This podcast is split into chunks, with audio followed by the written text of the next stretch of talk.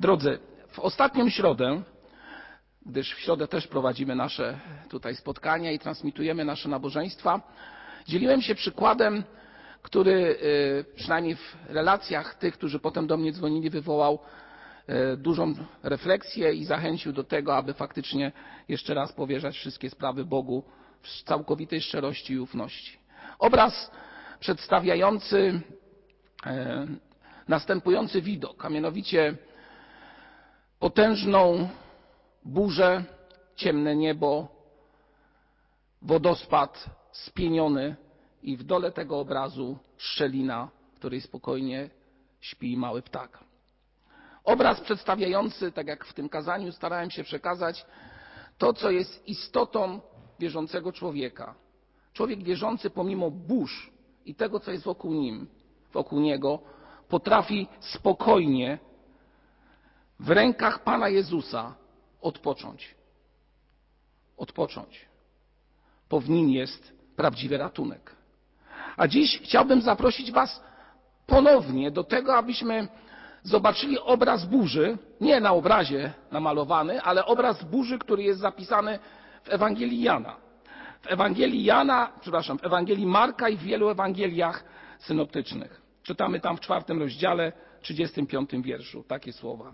Ewangelia Marka, rozdział czwarty, wiersz 35 i dalej. I rzekł do nich owego dnia, gdy nastał wieczór, przeprawmy się na drugą stronę. Opuścili więc lud i wzięli go z sobą, tak jak był w łodzi, a inne łodzie towarzyszyły mu. I zerwała się gwałtowna burza i fale wdzierały się do łodzi, tak iż łódź się już wypełniła. A on był w tylnej części łodzi i spał na bezgłowiu. Budzą go więc i mówią do niego, nauczycielu, nic cię to nie obchodzi, że giniemy? I obudziwszy się, zgromił wicher i rzekł do morza, umilknij, ucisz się.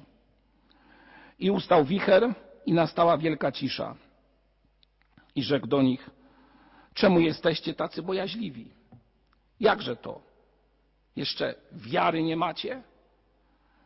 I zdjął ich strach wielki i mówili jeden do drugiego, kim więc jest ten, że i wiatr, i morze są mu posłuszne. Znamy ten fragment, myślę, że bardzo dobrze. Moi drodzy, tak jak powiedziałem, w trzech innych Ewangeliach ten fragment także występuje. Wspólne dla tego opisu jest to, że pokazuje on dwie, można by powiedzieć, sceny, w których to pierwszej scenie widzimy, że razem wszyscy wypływają i to jest wspólne, a potem druga scena, kiedy wzmaga się burza, Jezus gdzieś tam z tyłu łodzi zasypia, czy też śpi i jest pokazana reakcja uczniów. I moi drodzy, okazuje się, że w trzech Ewangeliach ta reakcja jest podobna, ale nie do końca. Gdybyśmy zwrócili uwagę na to, co jest zapisane na przykład w Ewangelii Łukasza, usłyszymy tam słowa, w której uczniowie mówią: Nauczycielu, giniemy. Nauczycielu, giniemy. Można by powiedzieć, dramatyczna informacja. Wezwanie wśród burzy uczniów, giniemy. Może za chwilę nastąpi śmierć. Gdy spojrzymy na Ewangelię Mateusza, zobaczymy, że reakcja uczniów wyraża się w następującym zdaniu, a właściwie krzyku do Pana. Panie, ratuj, giniemy. Już pada słowo ratuj. Giniemy. A przed chwilą, moi drodzy, przeczytaliśmy fragment z Ewangelii Marka z rozdziału czwartego, a tam są słowa, które brzmią podobnie, ale tak jak powiedziałem, jakby inaczej. 38 wiersz mówi: Nauczycielu, nic cię to nie obchodzi, że giniemy? Byśmy powiedzieli to samo, a jednak nie. Raz krzyk, drugi raz wołanie o ratunek, a za trzecim razem co widzimy? Wyrzut? Nic cię to nie obchodzi, że giniemy? Czyżbyś zapomniał o, nie, o nas?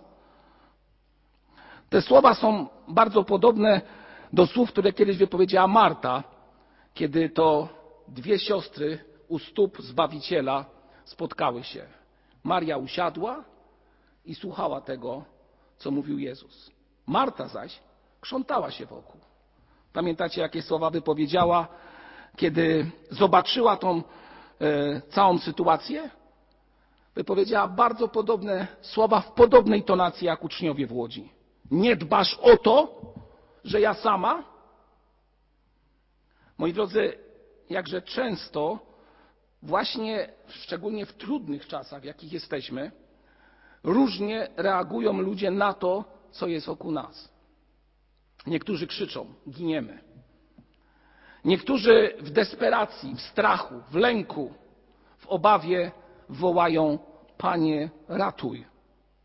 Giniemy. Ale jest też trzecia grupa, i okazuje się, że w dużych miastach i z tego, co znajomi przez telefon oczywiście teraz lub też w innych miejscach mówią, są słowa, szczególnie, i tutaj muszę powiedzieć ze smutkiem, ludzi młodych, które brzmią bardzo podobnie do wypowiedzianych przez uczniów. Nic cię to, panie, nie obchodzi? I dodają, a może tak właściwie to ciebie nie ma. Gdzieś tam jesteś ukryty, śpisz i zapomniałeś o całym świecie. A my przecież giniemy. A przecież tak ludzi, tak dużo ludzi odchodzi. Gdy spojrzymy na ten fragment z Ewangelii Marka, zauważymy bardzo istotną sprawę, że nie chodzi tutaj autorowi Ewangelii w Słowie Bożym o to, aby wskazać na burzę przede wszystkim. Ale myślę sobie, że bardziej chodzi o to, aby pokazać, jak istotne jest, aby w czasie burzy zachować odpowiednią reakcję, aby w czasie burzy odpowiednio zwrócić się, czy też powierzyć się Panu Jezusowi Chrystusowi. Moi drodzy, fragment ten mówi też o tym, że uczniowie w tej postawie tak jakby stracili wiarę. A wiara wiąże się z Twoją i moją tożsamością. Jezus mówi w 40 wierszu, czytamy w 40 wierszu takie słowa: Czemu jesteście tacy bojaźliwi? Jakże to? Jakże to? Jeszcze wiary nie macie? Jeszcze wiary nie macie? Ilu z nas w kościele jest już od wielu, wielu lat?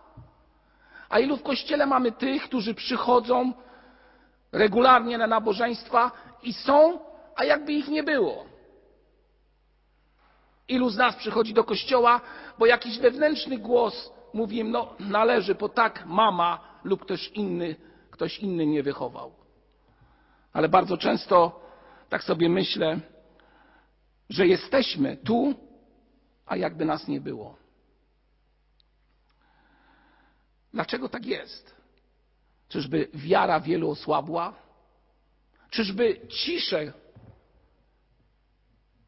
w konkretnym słowie Chrystusa, albo też cisza na nasze pytania i gniewne odpowiedzi, cisza ze strony Chrystusa powoduje, że tracimy wiarę? No bo dlaczego tyle ludzi się modli? Kościół pości, a zaraza jest. Bo dlaczego tak wielu ludzi jest przekonanych, że wszystko jest w rękach Boga? I zadaje sobie pytanie, dlaczego dalej to trwa? Dlaczego tyle ofiar? Dlaczego takie życie wokół nas? Jest taka teoria e, Herberta Spencera, który bardzo mocno promował ludzkie ego, aby wierzyć w swoją własną wrodzoną siłę, zdolność umysłową i wolę życia. Ale jest taki moment, że człowiek przestaje w to wierzyć i uświadamia sobie jedną rzecz, że już nic nie może. I wtedy można przyjść do Pana Jezusa i powiedzieć o swoim problemie, ale można też przyjść do Niego i oskarżyć Go to ja ci całe życie służę.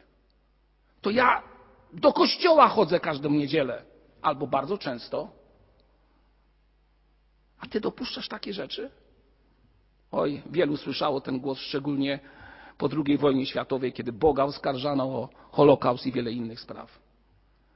I dzisiaj, jakby Feniks popiołów, te głosy znowu się pojawiają. Bóg dopuścił do takiej katastrofy? Gdzie Jego miłość? Gdzie Jego miłosierdzie? Wtedy, kiedy myślę też o czymś takim, przychodzą mi na myśl słowa z księgi Joba. Któż z nas nią nie zna? Nawet w edukacji szkolnej księga Joba w pierwszej klasie liceum jest obowiązkową prawie że lekturą, przynajmniej teksty z tej księgi, niektóre do przeczytania.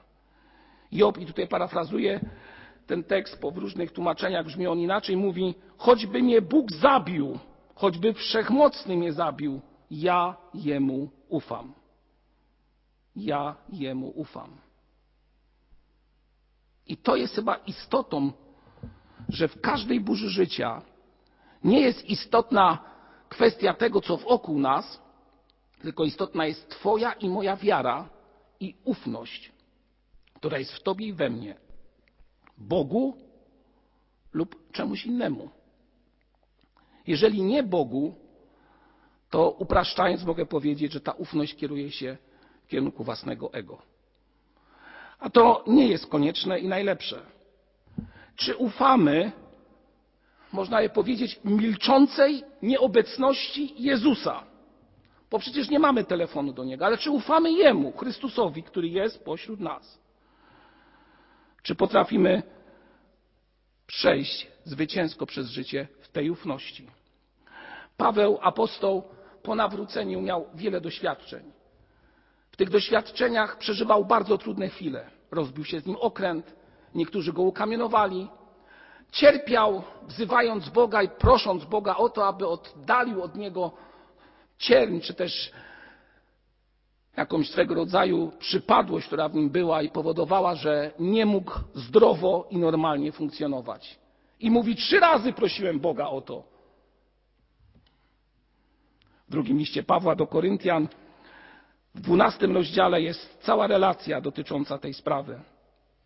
Cała relacja dotycząca tej sprawy.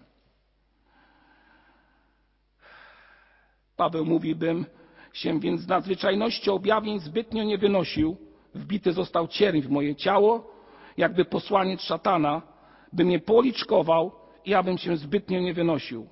W tej sprawie trzy razy prosiłem Pana, by On odstąpił ode mnie. Lecz powiedział do mnie, dosyć masz, gdy masz łaskę moją.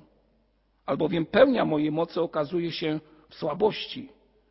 Najchętniej więc się będę chlubił w słabościach, aby zamieszkała we mnie moc Chrystusowa. Moi drodzy, Chrystus na jeziorze, kiedy go obudzono, uciszył burzę. Ale moi drodzy, Chrystus dziś może do ciebie i do mnie powiedzieć, podobnie jak powiedział do apostoła Pawła: Dosyć masz, gdy masz łaskę moją. Więc czy w tym momencie mam Boga oskarżać o cokolwiek? Moi drodzy, w wieku 34 lat, stojący przed Wami dziś Marek Budziński, został w sposób gwałtowny, nawet bym powiedział brutalny, zatrzymany. Miałem plany, miałem wszystko przygotowane do tego, aby rozpocząć nowy etap w swoim życiu. I nawet myślałem, że miałem tą sprawę przemodloną z Bogiem. Wręcz byłem przekonany o tym, że mam Boże błogosławieństwo w tej sprawie. Ale Pan Bóg miał inną drogę dla mojego życia. Po dzisiaj wiem, że w tamtym czasie za dużo było mojego chcenia i mojego ego, a za mało Boga w życiu moim, za mało powierzenia wszystkiego sprawie Boga. Wielu z Was słyszało moje świadectwo, ja tylko tyle powiem, że w wieku 34 lat odbyła się nade mną trepanacja czaszki i wycięto guz, który miał wielkość 3 cm na 4 wokół splotu nerwowego. Operacja ryzykowna, nawet bardzo ryzykowna. Pamiętam chwilę, kiedy po konsultacji z lekarzem lekarz powiedział, żebym poszedł do swojego pokoju, on został z rodziną. Nie wiem, o czym rozmawiali wtedy. Potem powiedziano mi o tym, jaka była treść rozmowy. Ale w tym właśnie czasie, po tej rozmowie, zeszliśmy wraz z moim tatą na, do restauracji szpitalnej, zwał to jak zwał, na neurochirurgii przy ulicy Konratowicza. I nie zapomnę słów mojego ojca, twardego człowieka, który powiedział: Synu, dlaczego cię to spotkało? Za co?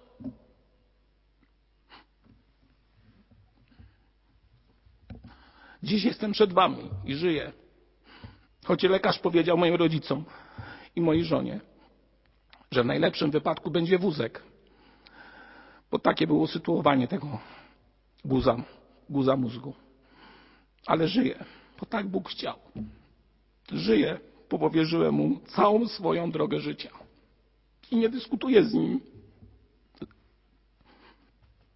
Nie chcę przed nim okazywać swojego ego, bo wiem, że tylko w Bogu moim jest nadzieja. I tylko Jemu mogę prawdziwie zaufać. Całkowicie. I to nie jest prawda, że on śpi. I to nie jest prawda, że on nic nie robi. On mówi do nas dzisiaj: Dość macie łaski mojej. Przyjmijcie tą łaskę. Módlcie się za tych, którzy cierpią. Zwiastujcie im Ewangelię. Mówcie do nich, że jestem żywy. A ja będę działał. Ja będę działał zgodnie ze swoją wolą. Bóg używa słabych ludzi do wielkich czynów. Użył Dawida, aby walczył z Goliatem. Użył niewymownego Mojżesza, aby wyprowadził lud z Egiptu. Używa was także i dzisiaj, nawet jeżeli wydaje nam się, że jesteśmy słabi. Może użyć was nawet wtedy, kiedy teraz w domach siedzicie i myślicie, że jestem bezwartościowy. Chcę ci powiedzieć, nie jesteś bezwartościowy. Weź telefon, porozmawiaj z bliskimi. Powiedz im o tym, że Jezus Chrystus daje ci siłę, aby przejść przez życie. Nie oskarżaj ich. Nie mów im, że są grzesznikami i to kara za grzechy spadła na polską ziemię i na cały świat. To nie o to chodzi. Zostaw to Bogu. Ty powiedz im, że Jezus Chrystus jest w Twoim sercu i On daje ukojenie każdemu, kto do Niego przychodzi. Zadzwoń do bliskich. Porozmawiaj z sąsiadami, jeżeli jest taka możliwość. Bądź otwarty. Nigdy nie jest za późno, aby głosić Jezusa Chrystusa innym. I nawet w największej burzy, i nawet w największej słabości, gdy jesteśmy, albo dziś jesteśmy, możemy oddać Bogu chwałę. Stoi przed Wami człowiek, który otrzymał lekcję w wieku 34 lat, że kiedy jesteś słaby, wtedy jesteś silny. Bo wtedy nie ma Ciebie, a Twoją siłą jest Jezus Chrystus. I tylko On. Bo w Jego rękach jest ukojenie. I w Jego rękach jest ten przysłowiowy odpoczynek, nawet w największej burzy życia. Amen.